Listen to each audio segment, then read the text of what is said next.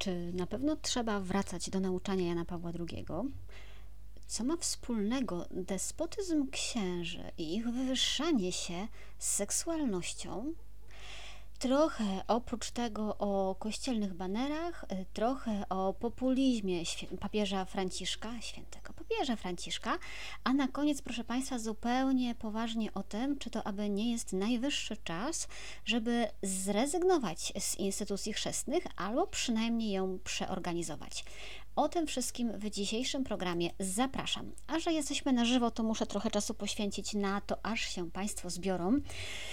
Mm, Ania Marzycielka jak zwykle pierwsza, Anna Maria też jest z nami i Ania Madej. Dzisiaj pierwsza trójca do Ani należy i jeszcze czwórca, bo Ania y, kolejna jako czwarta. Y, Stanisław, Michał Inwernes, Tomasz, Barbara, Edyta, y, Kasia z Krakowa pozdrawia. Ania się cieszy, że słucha na żywo, mówi, że to prawie jak święto. Alicja mówi, że, aż Wam podrzucę komentarz, że z kuchni i że ciasto drożdżowe z jagodami pewnie przyjdzie przy tym mówieniu najpyszniejsze. Mam taką nadzieję. Edyta napędza tutaj Państwa do lajkowania. Rafał melduje się z Bydgoszczy. Mm, Robson, Aleksandra, Agnieszka, Jolanta, Małgorzata. Jak zwykle nie zdążę Was wszystkich wymienić. E, I Tarnów, e, i Niemcy. Chciałam powiedzieć, że dzisiaj jest dzień, proszę Państwa, rozczarowywania kota, dlatego że nie zauważyłam, jak skończyły się kocie przysmaczki. No i ona tu jest i czeka i przysmaczków dzisiaj nie będzie. Nie wiemy, Melanie, jak ty to zniesiesz? Bo Państwo, którzy słuchają nas od niedawna, to być może nie wiedzą, że tutaj stałymi gośćmi w programie są dwa koty. Biały mój y, najstarszy towarzysz Fufu, lat 12, nie wygląda, ze skróconym ogonem i Melania, obydwa będą się prawdopodobnie domagały w trakcie programu wyjścia. Dobra, proszę Państwa, to tak, tyle tytułem wstępu. Aha, jeszcze, bo tak ostatnio Państwa coraz więcej tutaj się pojawia, to ja chciałam powiedzieć, że bardzo, bardzo, bardzo warto kupić tę książkę kupić, przeczytać, nawet jeśli umrę w drodze, to jest moja rzecz, e, taka relacja, reportaż z podróży śladami uchodźców po Europie i bardzo serdecznie Państwa zachęcam, żeby po tę książkę sięgać. Ci, którzy sięgnęli, mówią, że mm, warto. E, Beata mówi, że jej drożdżówka już e, wystygła, a Joanna mówi, że jej kajetan też ze skróconym ogonkiem. A też mu było to samo, co mojemu, to znaczy jakieś nowotworowe zmianki. Dobra, rozkład jazdy na dziś, proszę Państwa, to jest synteza elbląska. Myślałam, że będzie dzisiaj więcej syntez, ale nie, bo w syntezie elbląskiej pojawiły się ciekawe dygresje. A więc Elbląg z dygresjami. Pani Dominika z niesławnego Kalisza, ale Kalisz też dobry jest. To jest program Reportaż z Wycinków Świata. Monika Białkowska. Zapraszam serdecznie. Oczywiście zapraszam do lajkowania, komentowania, udostępniania, subskrybowania i tak dalej. O, takie się urodził z krótkim ogonkiem. Przepraszam, ale koty mnie, e, koty mnie rozpraszają. Proszę Państwa... Mm, Elbląg to nie jest diecezja, która się jakoś najbardziej rzuca w oczy na mapie kościoła w Polsce. E, to jest diecezja młoda, stosunkowo młoda, powstała w 92 roku, nieduża też diecezja, 158 parafii z tego co sprawdziłam, e, biskup Jacek Jezierski, ale jeżeli chcemy z czymś tę diecezję kojarzyć, tak osadzić ją sobie, nie, w tu i teraz, to jest to miejsce, w którym e, niegdyś zamordowany został święty Wojciech, jest sanktuarium w Świętym Gaju. Nigdy tam nie byłam. E, w sumie może to jest jakiś pomysł na weekendowy wypad, zwłaszcza, że też na terenie tej diecezji mamy Malbork, mamy Kwidzyn, mamy Sztum. E, diecezja sięga aż po Krynicę Morską, po Stegny, ostatnio sławny i Nowy Dwór Gdański. Pani Małgorzato, gratulujemy kupienia papierowego przewodnika katolickiego. To jest osiągnięcie, wszystkich innych pozostałam, pozost odsyłamy do e-wydania. Cóż w Elblągu na synodzie. Macie tak ciekawe komentarze, że ja bym w ogóle Was czytała i z Wami rozmawiała. Dyżur na pogotowiu dentystycznym. Yy, synteza, proszę Państwa, jest krótka. Ta synteza ma niespełna pięć stron, z czego jedną stronę w ogóle zajmuje sprawozdanie ze sposobu prowadzenia synodu. To, jak wiecie, jest temat na mm, oddzielne analizy. Niespecjalnie mamy tutaj czas, żeby się jeszcze tym zajmować, bo ja przypomnę, że w kolejce czeka jeszcze e, jakieś 20 opublikowanych już syntez. No więc jeżeli nie przyspieszymy, to mamy program na 3 miesiące, tak? E, ale obiecuję, że przyspieszymy. Od jakiegoś czasu obiecuję. W Elblągu tę syntezę podzielono na takie cztery proste części. Po pierwsze, doświadczenia, y, wypowiedzi o charakterze pozytywnym, y, o charakterze negatywnym, potem y, obserwacje i opisy procesów oraz postulaty. E, bardzo szanuję taki sposób. Tu jest bez żadnego silenia się na 73 podpunkty, e, do których nie wiemy, co potem wpisać, więc wpisujemy w kółko to samo, tak? E, widzę gniezno. Michał pisze, że biskup Jezierski ma zaletę, mówi krótkie kazania, a chyba tam nie było o długości kazań biskupa. E, pozytywy, jakie zauważono w Elblągu. Ja przypominam, że wyciągam te rzeczy, które mm, nie pojawiały się w innych diecezjach, jakieś nowości, ewentualnie tylko zaznaczam, że coś się powtarza, no bo nie możemy o tym samym w kółko mówić.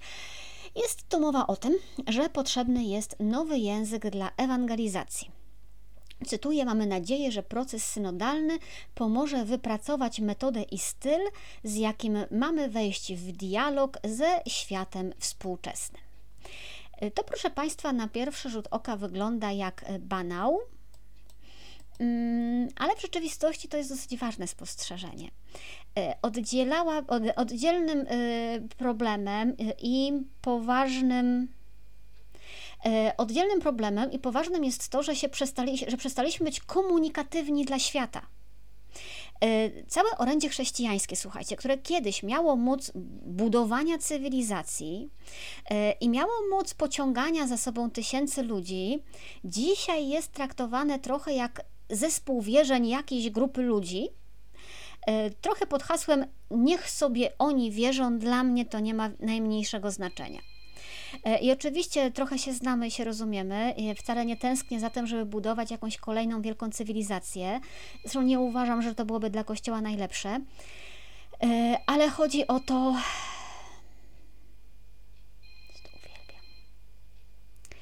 Mm, Kuba pisze e, oczywiście, że traktujemy te analizy jako e, punkty wyjścia.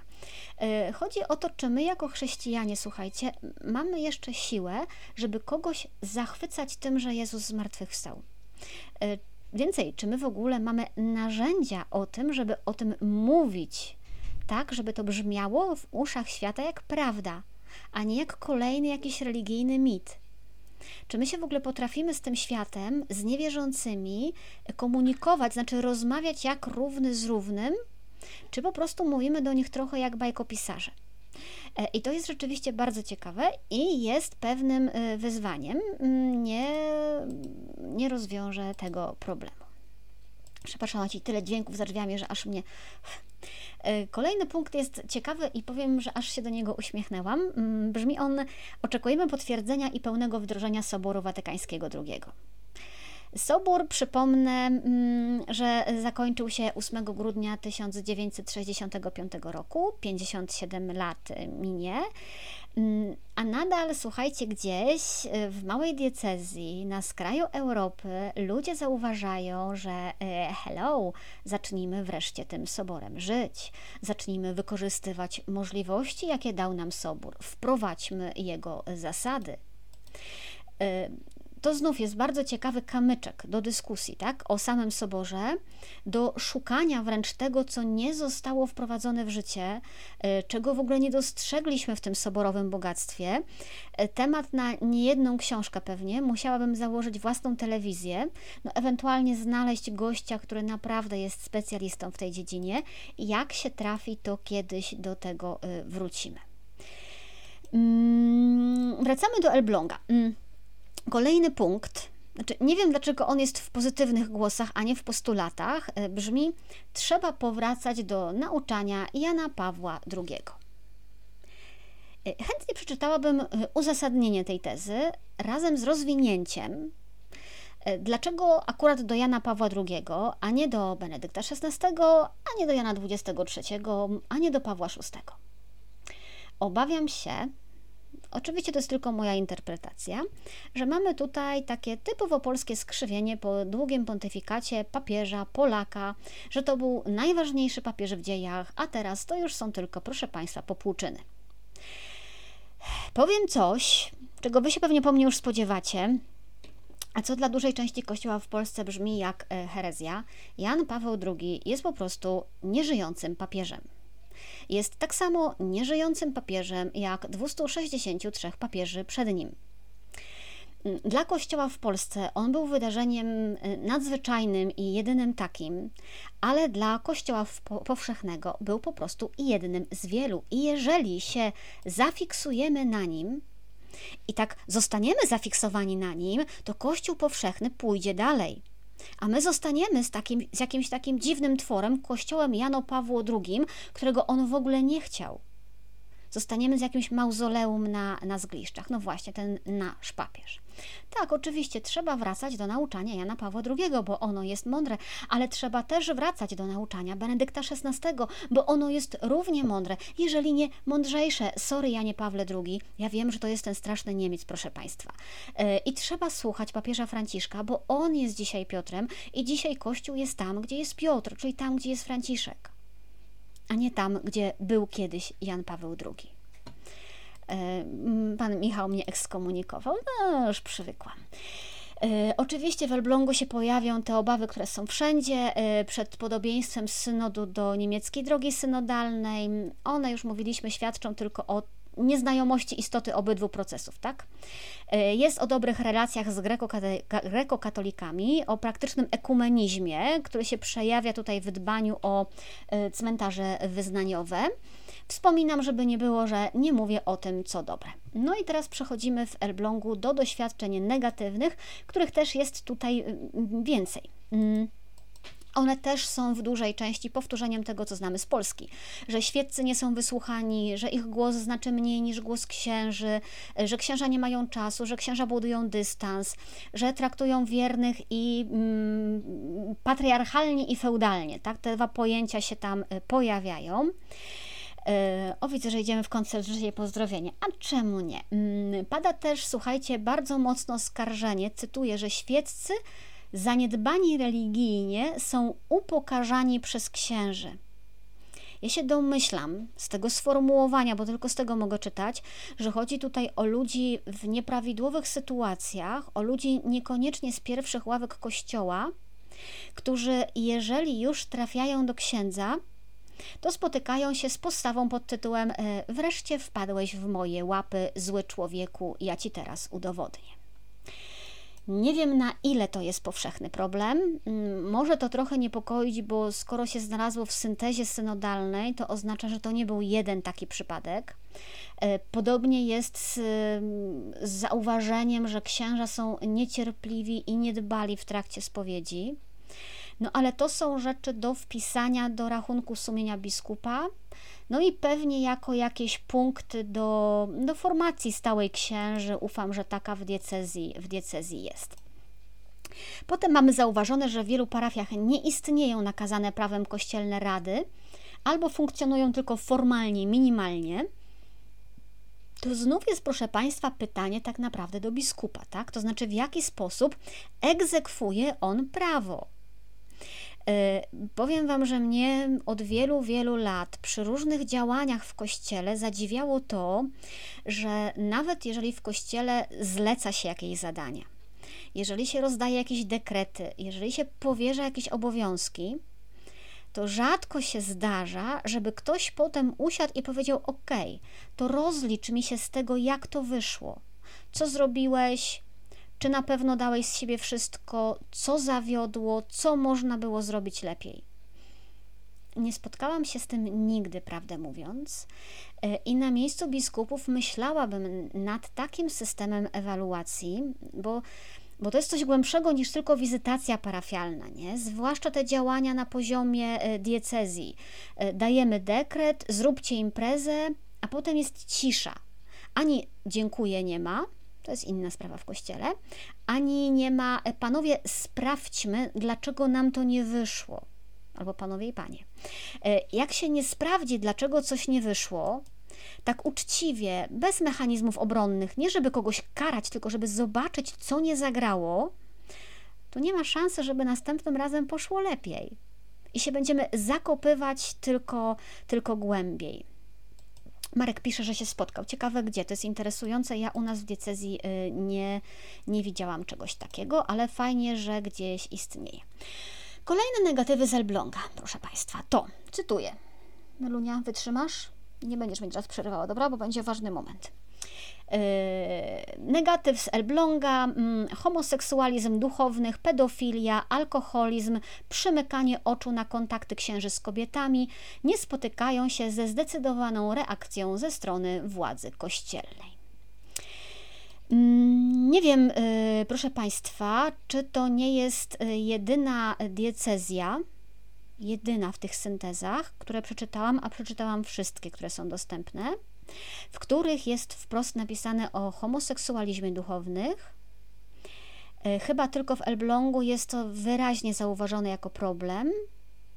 E, I e, alkoholizm też pojawia się chyba tylko tu. Kontakty z kobietami chyba też tak wprost nazwane tylko tutaj. Dla mnie interesujące byłoby pytanie, czy te głosy wynikają z tego, co się mówi w mediach i z niewiadomych przyczyn właśnie tam wybrzmiały, czy co byłoby dużo gorsze, wynikają z obserwacji życia i po prostu z wiedzy z życia, tak? Bo tak jak w przypadku pedofilii, to pewnie w dużej części jednak są historie, o których bezpośredniej wiedzy nie mamy, no to już pijany ksiądz y, albo ksiądz rozsyłający wiadomości z podrywem do kobiet albo do mężczyzn, no to nie jest coś, co się na dłuższą metę da y, ukryć. Ksiądz Jacek Prusak, słuchajcie, psychoterapeuta, y, udzielił w sobotę mm, ciekawego, to była chyba sobota, jeżeli mylę daty, to albo w piątek, albo w sobotę. E, udzielił ciekawego wywiadu Marcinowi Wójcikowi w Wyborczej. Wiem, dla niektórych wyborcza zła już się można wyłączyć, ale ksiądz Prusak też gdzie niegdzie zły, przywykliśmy. E, pretekstem do rozmowy była mm, oczywiście sprawa księdza Dębskiego z Białego Stoku. Przepraszam, bo się w komentarze y, wczytałam. Czytałam i Rzeszów. Y, nie odpowiem teraz, bo się za, zamotam. Nie, chyba nie ma ani Rzeszowa, ani Przemyśla. Y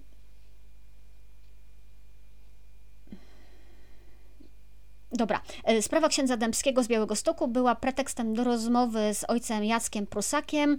E, on w tej rozmowie tłumaczy e, przez moment, czym jest celibat, mówi króciutko o tym, że to jest oczywiście dobrowolne bezżeństwo, ale też oznacza abstynencję seksualną i rezygnację z przeżywania intymności, czułości, bliskości fizycznej. Marcin Wójcik pyta, czy ksiądz, który czatuje z kobietą, rozmawia z nią w necie, łamie celibat. Ojciec Prusak odpowiada, że tak naprawdę to zależy od intencji i treści tych rozmów, od charakteru tej relacji.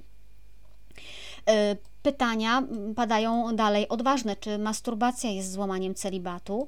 Odpowiedź niezgodna z celibatem jest każda forma zaspokajania seksualnego.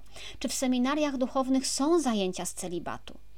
E, ojciec Prusak pyta, a na czym miałyby polegać? Nie ma, bo celibat to nie jest umiejętność, której się można jednorazowo nauczyć. Y, założenie jest takie, że ten, kto ma powołanie, otrzymuje od Boga łaskę życia we wstrzemięźliwości seksualnej. Nie oznacza to jednak, że nie powinny być podejmowane zagadnienia związane z psychologicznymi aspektami celibatu. Y, potem pada pytanie, które wielu może ciekawić, no mm, powtórzę je. Mm, czy prawdą jest, że w seminariach sprawdzają, czy kandydaci do kapłaństwa mają dwa jądra? E, lubię księdza Prusaka. Odpowiedź jest krótka, ostatnio chyba w średniowieczu, żeby nie dopuścić do święcenia eunuchów. E, ale pytanie całkiem serio, czy w seminariach nie ma wykładów z psychologii, które by pomagały rozumieć przyszłym księżom własną seksualność? E, I w odpowiedzi ojciec Prusak odpowiada, że jest trochę godzin z psychologii ogólnej, godzin, które, zajęć, które nie są związane wprost z problematyką e, przygotowania do kapłaństwa. Mówi, że to jest zdecydowanie za mało. Mówi o tym, że istnieje mm, w kościele lęk przed psychologią, e, taka obawa, mm, że się łaskę całą sprowadzi do natury, tak, do procesów psychologicznych, że takiego lęku sporo w Polsce można zaobserwować. Stawia też tezę, mm, z którą niektórzy dyskutują: Jestem za przesunięciem święceń kapłańskich do 30 roku życia. Tak jak przesunął się wiek zawierania małżeństw, tak trzeba przesunąć wiek święceń. Coraz częściej zdarza się, że do seminariów przychodzą kandydaci, którzy są jedną nogą w seminarium, a drugą w poprzednim życiu. Utrzymują kontakt z byłą dziewczyną, bo nie są pewni, czy wytrzymają w seminarium. I tu ciekawostka. Zdarza się, że taka para łączy się na nowo po święceniach. Kobieta nie znalazła innego partnera, młody ksiądz nie jest skłonny do życia w celibacie, więc wracają do siebie, żyją w ukryciu. Tak sobie pomyślałam, że w sumie to znam taką parę, 25 lat razem. No piękny staż, nie? Yy, Michał pisze, że założenie, że łaska powołania skutkuje umiejętnością życia w celibacie jest dość odważna, też tak sądzę. Yy, Asia pyta słusznie, czy jeśli ktoś nie umie jednak żyć w celibacie, to znaczy, że wcale nie miał łaski powołania. Też mi się to pytanie nasunęło. Yy, ksiądz Prusak mówi też o takiej, ja przepraszam, że ciągle zerkam na tego kota tutaj, bo nie wiem, co on wykombinuje. Ksiądz Prusak mówi też o jakby najliczniejszej grupie kleryków, którzy są rzeczywiście pełni ideałów i którzy myślą, że wiedzą, czym jest celibat, a potem doświadczają i deficytów, i różnych frustracji. Nie jest zaspokajana ich potrzeba bliskości. To, że nie mają seksu, to jest jedna rzecz, ale nie mają też tej, takiej dojrzałej, wyłącznej więzi z drugą osobą. Nie mają dzieci i ojciec Prusak tłumaczy, że tłumienie seksualności nic nie daje, że to prowadzi do głębszych problemów, prowadzi do albo do kompulsywnego seksu, jak już się trafi okazja, albo do uzależnień, albo, i to jest słuchajcie bardzo ciekawe, do relacji, w których cytuję, potrzeby seksualne przejawiają się w nieseksualny sposób, na przykład jako dominacja, władza, rygoryzm, upokarzanie. Zobaczcie, y, ja mam teraz w głowie, jak często te zarzuty się pojawiają w syntezach synodalnych. I cytuję dalej: taki duchowny manifestuje, że jest lepszym księdzem niż jest naprawdę. Walczy u innych ze słabością seksualną i w ten sposób udowadnia sobie, że jest wrogiem tego, z czym sobie nie radzi zgadza się na przygodny seks albo nie wiąże się z nikim, czyli pozostaje w relacji asymetrycznej, bo czuje się pasterzem, przewodnikiem, ojcem i nie chce z tej roli wychodzić. No i to jest y, mocne, dużo tłumaczy. A Marcin Wójcik zaraz stawia pytanie, czy ksiądz czy biskup, który z ambony wyzywa ludzi z powodu ich orientacji seksualnej i wyborów życiowych, może być zaburzony, bo tłumi swoją seksualność?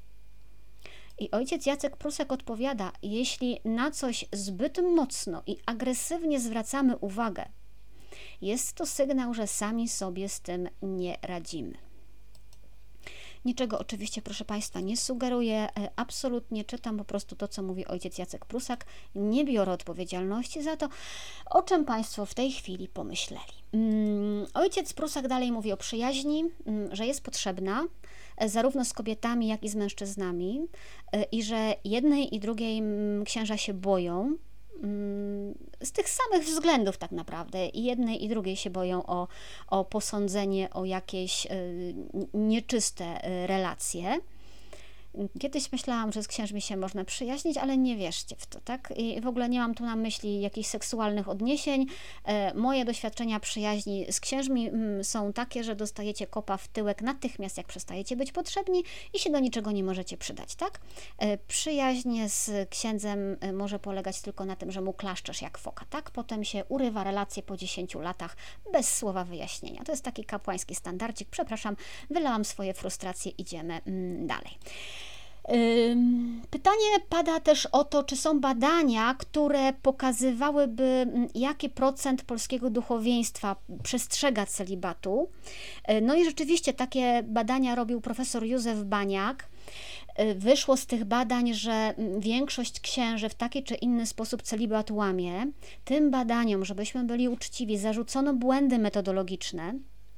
Ale ojciec Jacek Prusak mówi, że y, on uważa, że są to badania, których nie można lekceważyć, mimo tego, że y, wiemy, że no, nie są doskonałe, inne na taką skalę nie zostały przeprowadzone.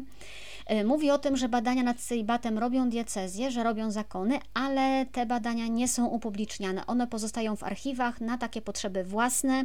On sam nie wie, czy zostały one zebrane przez episkopat. Marcin Wójcik pyta, czy może badania pokazują, że celibat to jest fikcja, tak? I dlatego one są, są ukryte. Ojciec Jacek Prusak mówi, że do, no, fikcja no może celibat nie jest, ale różowo to też nie wygląda, że bardzo duża liczba księży kontestuje obowiązkowy celibat, że przesunął się wiek od porzucania kapłaństwa. Kiedyś odchodzili księża po 10 latach, w tej chwili po roku, po dwóch, po trzech. Może to wynika z takich cieplarnianych warunków w seminariach, trudno powiedzieć. Poczekajcie, bo koty jednak nie dają rady. Ty zostajesz? Przecież drapałeś mi szafkę. Już, śmigaj. Już. Kot najpierw drapie, że chce wyjść, a potem mówi, ja tu sobie posiedzę. Y, jest pytanie o te historie księży, które wychodzą na jaw, kiedy, się okazuje, że, że ich życie nie było takie, jak wszyscy się spodziewali. Wiedzieli o tym wszyscy, wiedzieli biskupi, y, widzieli księża, mm, a udawano, że nikt nie widzi.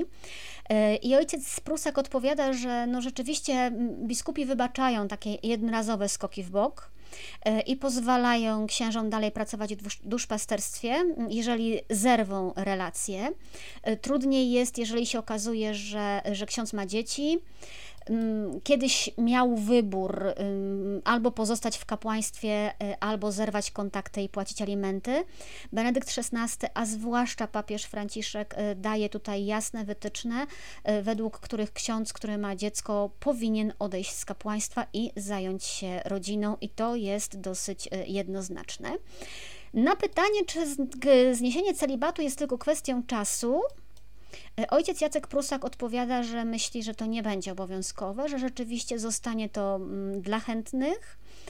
Mm, przypomina, że są już kraje, gdzie biskupi proszą o to, żeby do posługi kapłańskiej wrócili mężczyźni, e, którzy porzucili kapłaństwo, związali się z kobietami. Biskupi mówią: e, wróćcie przed ołtarz, nie szkodzi, że macie rodziny, nie szkodzi, że nie żyjecie w celibacie, e, potrzebujemy, potrzebujemy waszych rąk, potrzebujemy waszej wiedzy, umiejętności święceń. No i mówi na koniec: celibat to nie dogmat, papież może go zmienić i z tego powodu Kościół się nie zawali. No niektórym się zawali, wiemy o tym, no ale cóż. E, polecam Wam całą rozmowę. Mm, przepraszam wrażliwszych, że polecam wyborczą, ale polecam ojca Jacka Prusaka. E, to jest naprawdę trzeźwe spojrzenie, podparte wiedzą psychologiczną, tak? E, nauką, a nie wydaje mi się, że. Dlatego, dlatego warto. I to tyle o seksie księży. Przepraszam, jeżeli Was rozczarowałam, że więcej nie będzie. My wracamy, proszę Państwa, do Elbląga. Znów z rzeczy mało ważnych, raczej z objawów choroby, a nie z przyczyn choroby, ale zauważamy tutaj, że w kościołach spotykamy często kicz, e, infantylne dekoracje. E, w sumie moglibyśmy tu sobie zrobić cały festiwal kiczu, e, podać adresy, gdzie znajdziecie przepiękne banery z hasłami przejrzałam dla Was szybko, słuchajcie, bo mnie ten kicz tak zainspirował. W programie o kiczu nie było obrazków, słuchajcie, znalazłam, nie? Firma, banery, banery wakacyjne. I ja Wam je opiszę od góry, taki baner. Wyobraźcie sobie. Napis na szczycie: W wakacje nie zapomnij o Jezusie. Czarne litery, Jezus na czerwono. I teraz w tle mamy zdjęcie plaży o zachodzie słońca. Trochę wygląda jak w ustce robione, ale ja mam bzika na punkcie ustki. E, zachodzące słońce jest w centrum, plaża tutaj po lewej, morze po prawej stronie. Teraz trochę niżej, pod tym napisem, ale wciąż na tle morza, jest pocztówka z nadmorza. E, ona wygląda trochę jak z Wenecji, nie widać dokładnie. Domy są za brzydkie na Wenecję, ale mm, stoją nad samą wodą, tak tuż przy, bez plaży, nie? E, I teraz ta pocztówka jest pod kątem 45 stopni umieszczona, bo nie, że prosto, nie? I na wysokości tej pocztówki po drugiej stronie, po lewej stronie jest taki biało-czarny rysunek skręconej kliszy z aparatu Rozumiecie, mm, znaczy, panie projektancie, pani projektantko tego czegoś, mm, dzisiaj nawet trzydziestolatkowie już raczej nie pamiętają, że było coś takiego jak klisza. dwudziestolatkowie to w ręku tego nie mieli, ale okej. Okay. Pod tą, ponczt, pod tą ponczt, pocztówką, yy, tak, może pocztówka, taśma, yy, znów jest przycięty obraz i teraz znowu już jest klisza z aparatu, nie wiedzieć czemu w bardzo jaskrawych kolorach te zdjęcia tam na tej kliszy, no bo wiadomo, że właśnie tak to wszystko widać na kliszy, nie? Y, I teraz tam widać na tych poszczególnych zdjęciach y, taki palemkowy parasol gdzieś na Karaibach, na następnym zdjęciu widać Sfinksa, na następnym zdjęciu widać wieżę Eiffla i na kolejnym znowuż widać jakąś palemkę, nie? I teraz niżej pod tym, tadam, wkracza Jezus, proszę Państwa.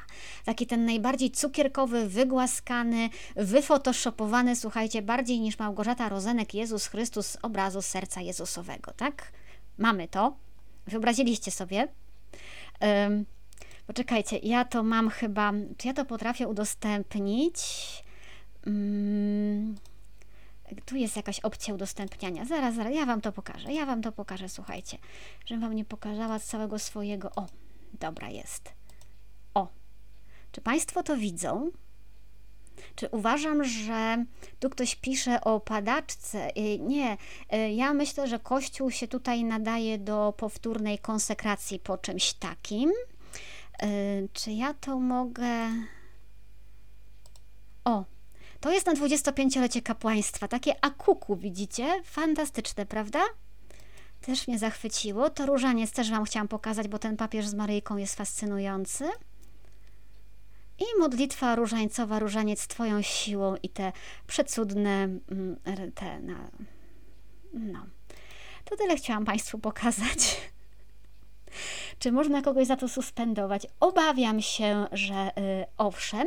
Mm, Możecie poszukać, słuchajcie, na własną odpowiedzialność. Y, o wkładzie Kościoła w Polsce w przemysł produkcji styropianu nie będziemy tutaj rozmawiać. To jest oczywiste, że dzięki grobom pańskim branża styropianowa każdej wiosny po prostu przeżywa swoje dożynki.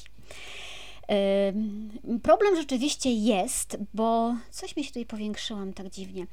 Y, problem jest, bo gdyby nikt tego nie kupował, mm, no to takie badziewie po prostu by nie powstawało, tak? E, czy jest na to lekarstwo? Czy jest lekarstwo na brak gustu? Na dodatek w czasach, kiedy powtarzamy jak mantrę to idiotyczne hasło, że o gustach się nie dyskutuje. O gustach się owszem, proszę Państwa, nie dyskutuje. To znaczy, nie dyskutuje się o tym, czy piękniejszy jest barok czy gotyk, tak? Bo jedno i drugie jest sztuką i znajdzie swoich miłośników. Problem dzisiaj polega na tym, że gustem zaczęliśmy nazywać totalne bezguście brak wiedzy, brak wrażliwości estetycznej, to wszystko urosło nie wiedzieć czemu do rangi gustu, o którym nie wolno dyskutować. No to mamy to co? Mamy banery wakacyjne i styropian w kościele. E, wracamy do e, Elbląga. Teraz już do obserwacji i opisów procesów. E, pierwszą uwagą jest to, że występuje niechęć do papieża Franciszka w związku z ograniczeniem mszy trydenckich i e, populizmem. Poproszę o więcej opisów obrazów jako stały punkt programu, dodatkowy konkurs, słuchacze rysują to, co słyszą. Och, możemy sobie zrobić kiedyś taki programik dodatkowy. E, słuchajcie, papieżowi zarzucają, e, że są niechętni wobec papieża Franciszka, bo e, ograniczył msze trydenckie mm, i jest populistą. Wiecie, w ogóle jak czytam i zbieram te syntezy, to mam takie wrażenie, że Polska w ogóle mszami trydenckimi stała mm, i w ogóle bez nich to Kościół się zawali, a w Polsce zwłaszcza. Naprawdę chciałem znać skalę tego problemu, jak duże są to środowiska, ilu jest tych ludzi, którzy naprawdę wewnętrznie przeżywają duchowy dramat z tego powodu, że nie mogą brać udziału w liturgii sprawowanej tak, jak Kościół w zasadzie nie sprawuje jej już od pół wieku. Y, mam wrażenie, że ta liturgia jest tutaj tylko pretekstem, że ona jest znakiem dużo głębszego sprzeciwu, nie chciałabym teraz tego tematu rozwijać, bo rzecz wybrzmiewa naprawdę bardzo mocno w diecezji warszawsko-praskiej, w tamtej syntezie i wtedy wolałabym się tym zająć już porządniej. E, populizm papieża Franciszka chciałam zostawić bez komentarza, ale się trochę znamy i wiecie, że nie zdzierżę. Jeżeli ktoś mówi, że papież Franciszek jest populistą, to znaczy, że nic papieża Franciszka nie rozumie. To znaczy, że wiara jest dla niego jakimś zbiorem rytów do wypełnienia, obowiązków, tak, do zaliczenia. Jest takim zbiorem praw, których się musimy trzymać, a nie jest żywą relacją miłości, która jest trudniejsza, bo wymaga takiego ciągłego badania, czuwania, sprawdzania, takiej stałej uważności na Boga. Jeżeli papież Franciszek, proszę Państwa, jest populistą, to jest dokładnie takim samym populistą, jakim dla faryzeuszy był Jezus Chrystus. Oni zarzucali mu dokładnie to samo, że zwalnia swoich uczniów z obowiązków religijnych na rzecz jakiejś tam miłości. Odpuszcza im, oni dzięki temu mają łatwiej i dlatego za nim idą. No, populista czystej wody. Dokładnie taki sam y, populizm. Y, w postulatach znajdujemy też y, to, co jest w innych diecezjach, nie powtarzam. Mamy na przykład wezwanie, które się nigdzie wcześniej nie pojawiło, że dziewczęta nie powinny być, y, nie powinny być ministrantkami. Y, jakby to ładnie powiedzieć, no przykro mi, Kościół powszechny idzie w inną stronę i w zasadzie w tej kwestii nie ma dyskusji. Nie tylko dziewczęta mogą być ministrantkami, ale kobiety mogą być nawet ustanowione do posługi lektoratu i akolitatu. Więc jeżeli ktoś stawia postulat, że dziewczęta nie powinny być ministrantkami, to oznacza li i jedynie, że szybciutko musi dogonić Kościół, jeżeli nadal chce w nim być, bo został gdzieś we własnych przekonaniach. E, tutaj w Elblągu jest jednak dość tradycyjnie Mm, jest też o tym, że komunia powinna być udzielana tylko przez kapłana i powinna być e, przyjmowana tylko na kolanach. To jest kolejne miejsce w Polsce, gdzie się uparcie rozmawia o detalach, a nie o istocie. Jest teza, że potrzebna jest ewangelizacja rodziców, która powstrzyma odpływ młodzieży z kościoła. Ewangelizacja rodziców dzisiaj powstrzyma odpływ dzisiejszej młodzieży z kościoła no ktoś, kto stawia taką tezę, wyraźnie nie ma w domu nastolatka, tak? Bo nie umiem tego inaczej skomentować. E, kolejna, kolejny postulat to jest taki, że chrześcijańscy politycy muszą zachować wysokie standardy moralne. E, ten argument powinien stać na półce obok tego, że e, zmienić się musi asortyment w żabce. Denerwują mnie takie postulaty, które są kierowane do innych, a nie do siebie. To jest, proszę Państwa, bicie piany. Mam na to obniżoną tolerancję pognieźnie, przepraszam. E, oczywiście, że politycy powinni zachowywać standardy. Oczywiście. Tylko co w związku z tym mam zrobić ja? Albo co w związku z tym ma zrobić mój proboszcz? Co w związku z tym ma zrobić mój biskup? No, sobie ponarzekaliśmy. Jakby oni się zmienili, to już wszystko byłoby pięknie. Kolejna teza. Bierzmowanie powinno być udzielane dopiero w wieku 18 lat. Z jednej strony mm, rozumiem, że chodzi tutaj e, pewnie o dojrzałość kandydatów. Zauważam te dobre intencje, żeby nie było. Z drugiej strony, to jednak mam takie wrażenie, że jest to najlepszy sposób na to, e, żeby do bierzmowania w parafii przystępowały po trzy osoby zamiast dotychczasowych 30 osób. No ale może o to komuś chodzi, tak? Żeby bierzmować e, jak najmniej, ale za to świadomych. I to w zasadzie, proszę Państwa, jest. W zasadzie to jest tyle. Ostatnia rzecz, przy której się chciałam zatrzymać świadomie i odłożyłam ją na koniec, to jest problem y, rodziców chrzestnych. I o tym pogadamy trochę dłużej. Dawid pisze, że we Włoszech jest nawet bierzmowanie w piątej klasie, a u prawosławnych jest razem z chrztem i też nie ma żadnego problemu. Hmm. Synteza tutaj y, jest y, tylko pretekstem, proszę Państwa, do rozmowy. E, cytuję: Istnieje problem znalezienia rodziców chrzestnych, którzy spełniają wymagania prawa kościelnego. Jednak Rada Duszpasterska Diecezji nie popiera rozwiązań stosowanych na przykład współcześnie we Włoszech, to jest rezygnacji z rodziców chrzestnych. Lepszym rozwiązaniem jest zachowanie przynajmniej jednego rodzica chrzestnego spełniającego wymagania. Instytucja chrzestnych posiada wielką tradycję i nie należy łatwo z niej rezygnować. Tyle diecezja elbląska. I rzeczywiście, proszę Państwa, ja ten temat miałam gdzieś odłożony i on czekał na jakąś okazję i pretekst. E, rzeczywiście jest tak, że mm, na początku tego roku media publikowały wiadomości z Włoch. Tam już kolejny biskup, biskup Sycylii, podjął decyzję o tymczasowej rezygnacji w ogóle z obecności rodziców chrzestnych podczas chrztu.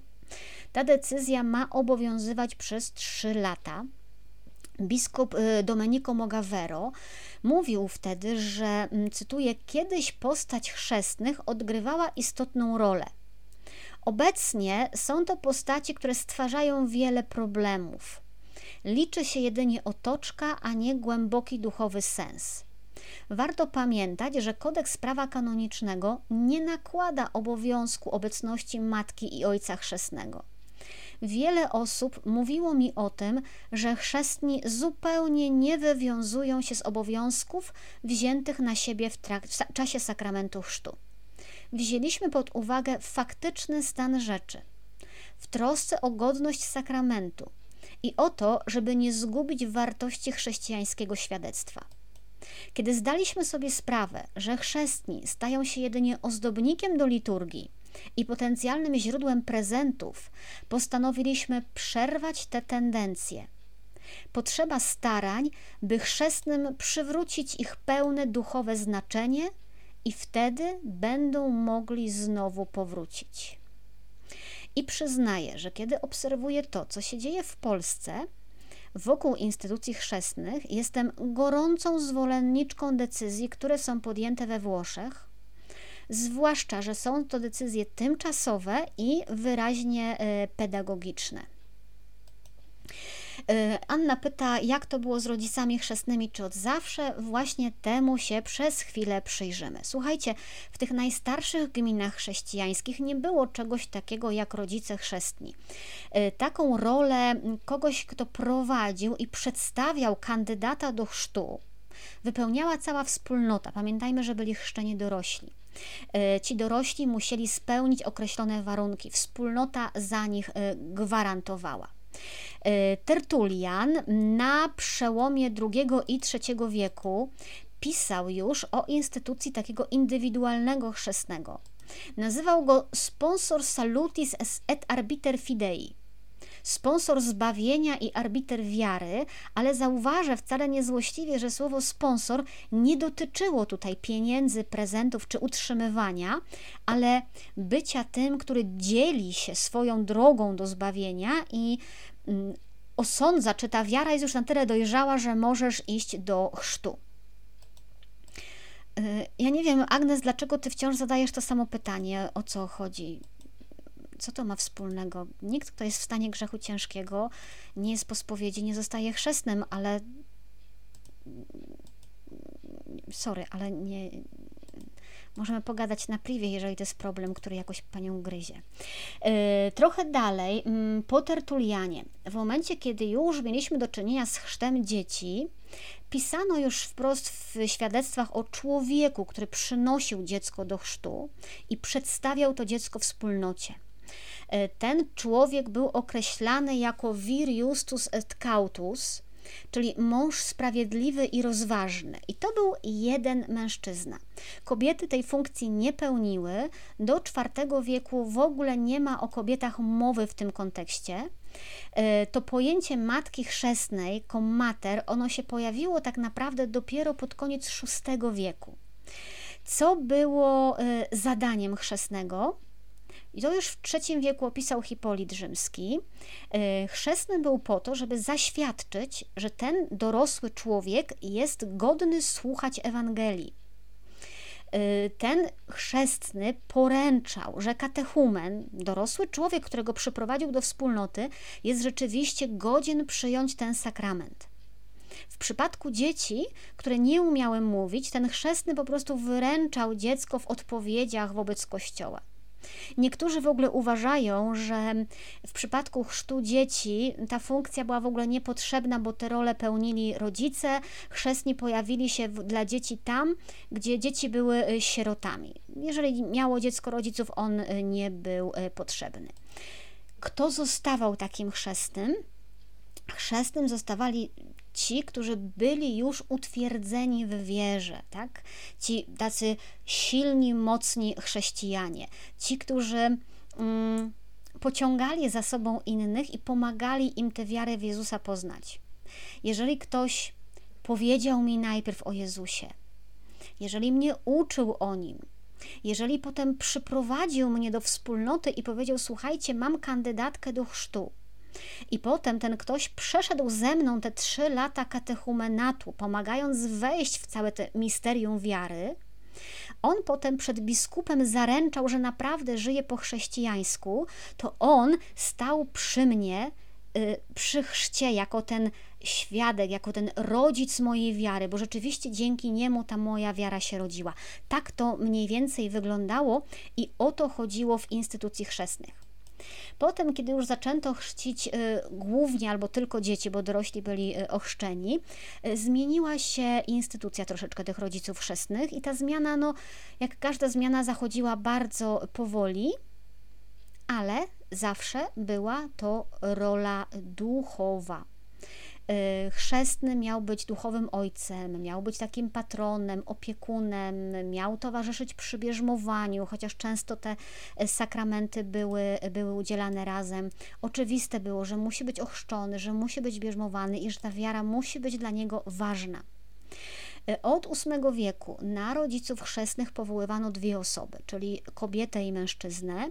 Od XIII wieku w ogóle trzy osoby. Dla chłopców to było dwóch mężczyzn i kobieta, a dla dziewczynek dwie kobiety i mężczyzna. Potem Sobór, Sobór Trydencki, przepraszam, Sobór Trydencki to. Mm, y, ograniczył, mówiąc o maksymalnie dwóch osobach, o kobiecie i mężczyźnie. I teraz Daniel, Dawid pisze, że e, jeśli nie byłoby chrzestnych, musiałby się zmienić tekst, liturgii. Zajrzyjmy do kodeksu prawa kanonicznego, proszę Państwa, bo się możemy zdziwić. Kanon 872.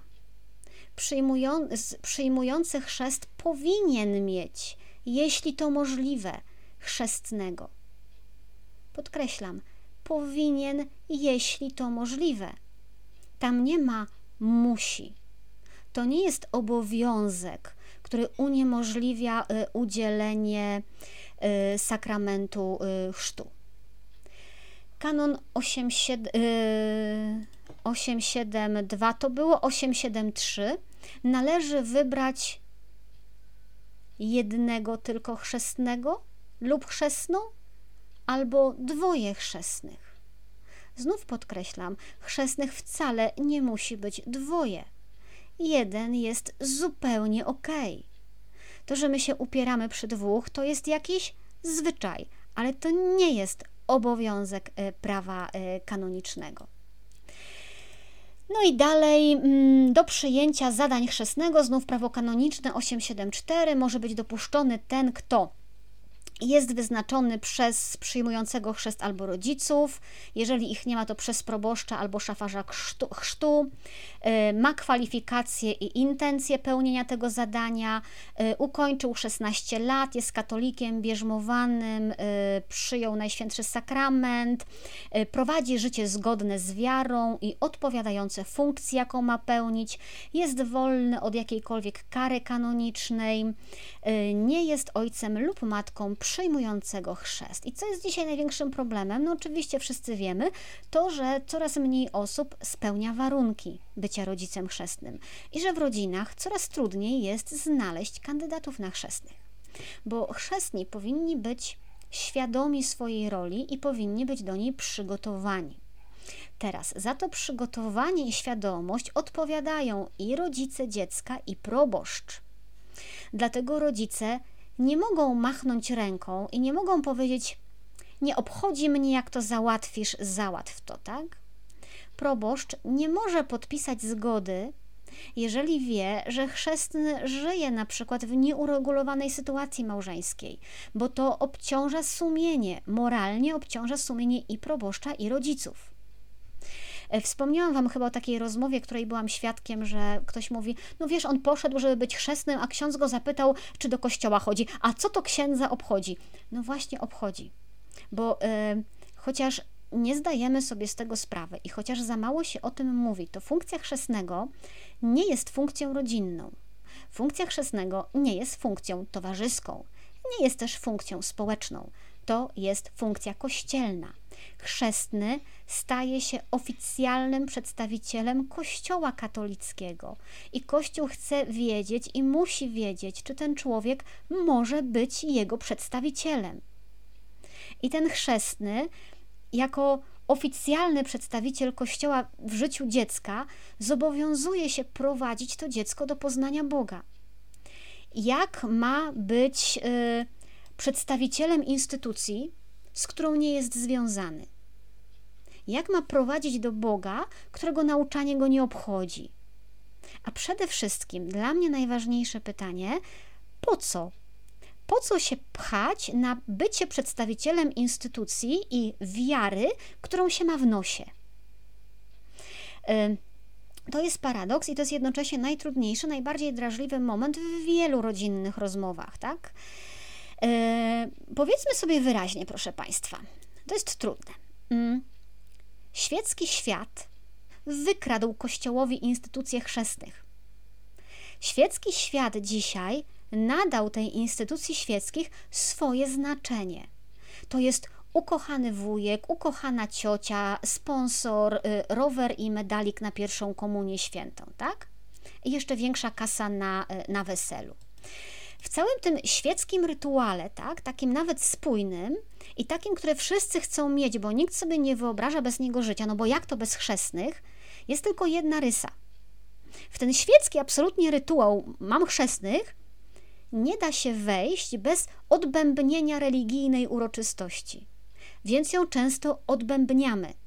Oszukujemy księdza, e, kombinujemy, jak zdobyć zaświadczenie, jak Państwo pisali w komentarzach, byleby przejść przez ten jeden dzień.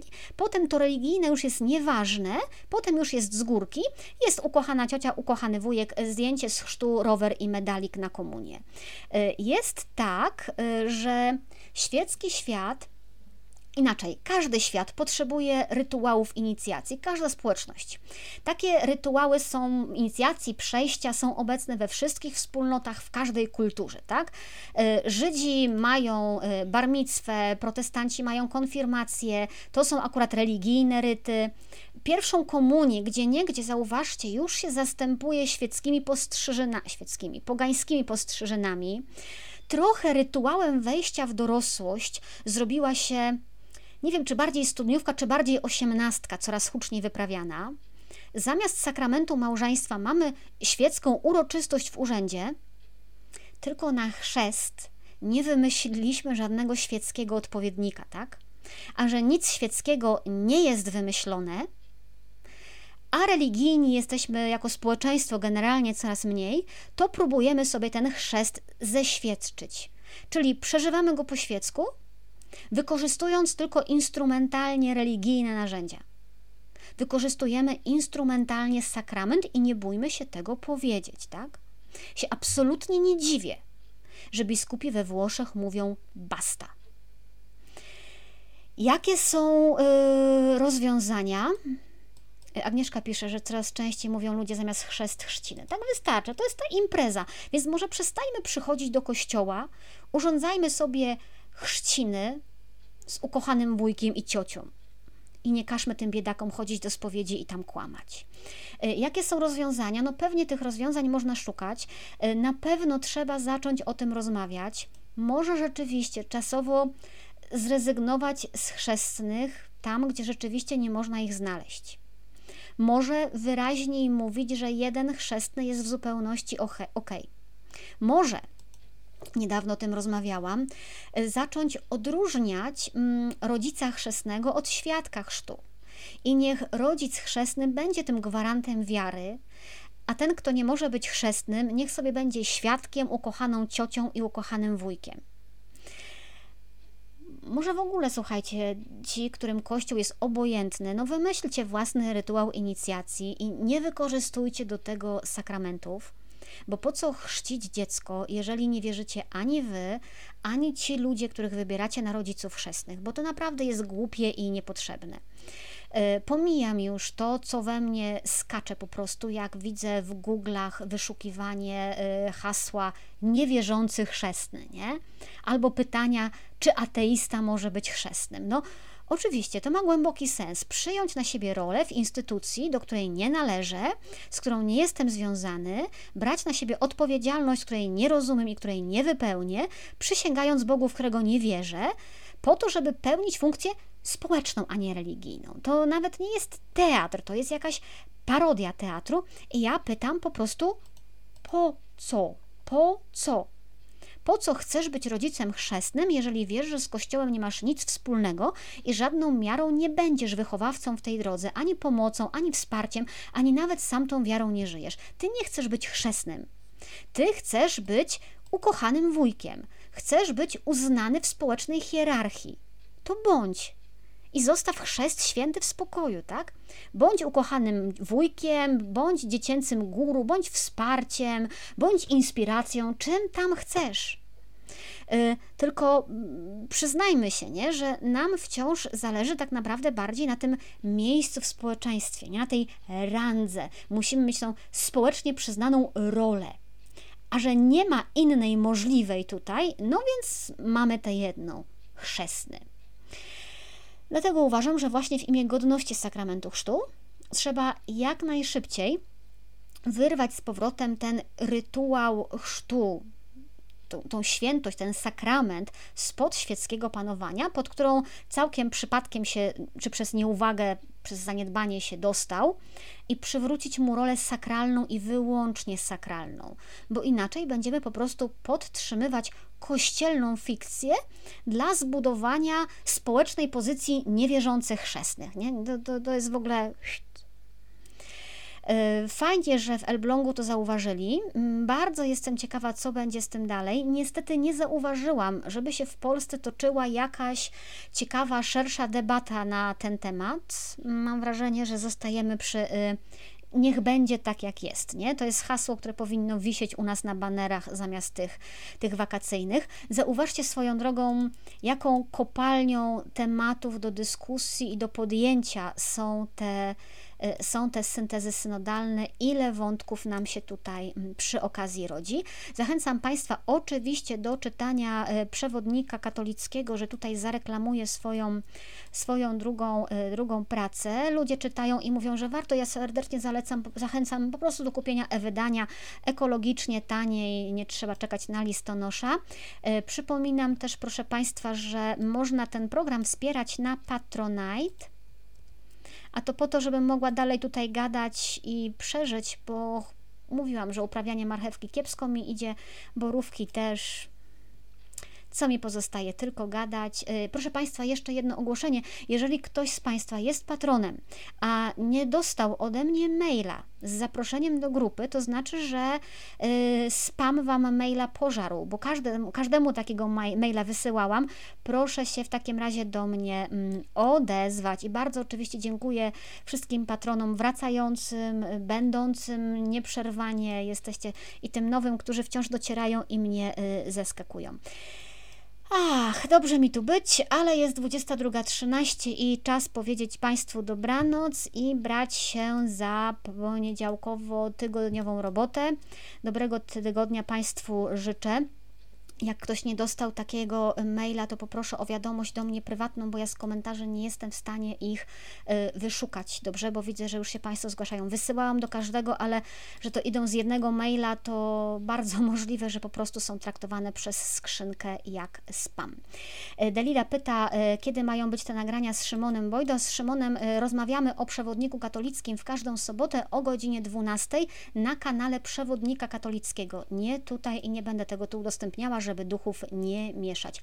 Dobra, proszę Państwa, naprawdę lądujemy. Wystarczy? Mówiłam, że dzisiaj bez melisy i bez kawy? To był program Reportaż z Wycinków Świata. Monika Białkowska. Dobrej nocy i do zobaczenia w czwartek.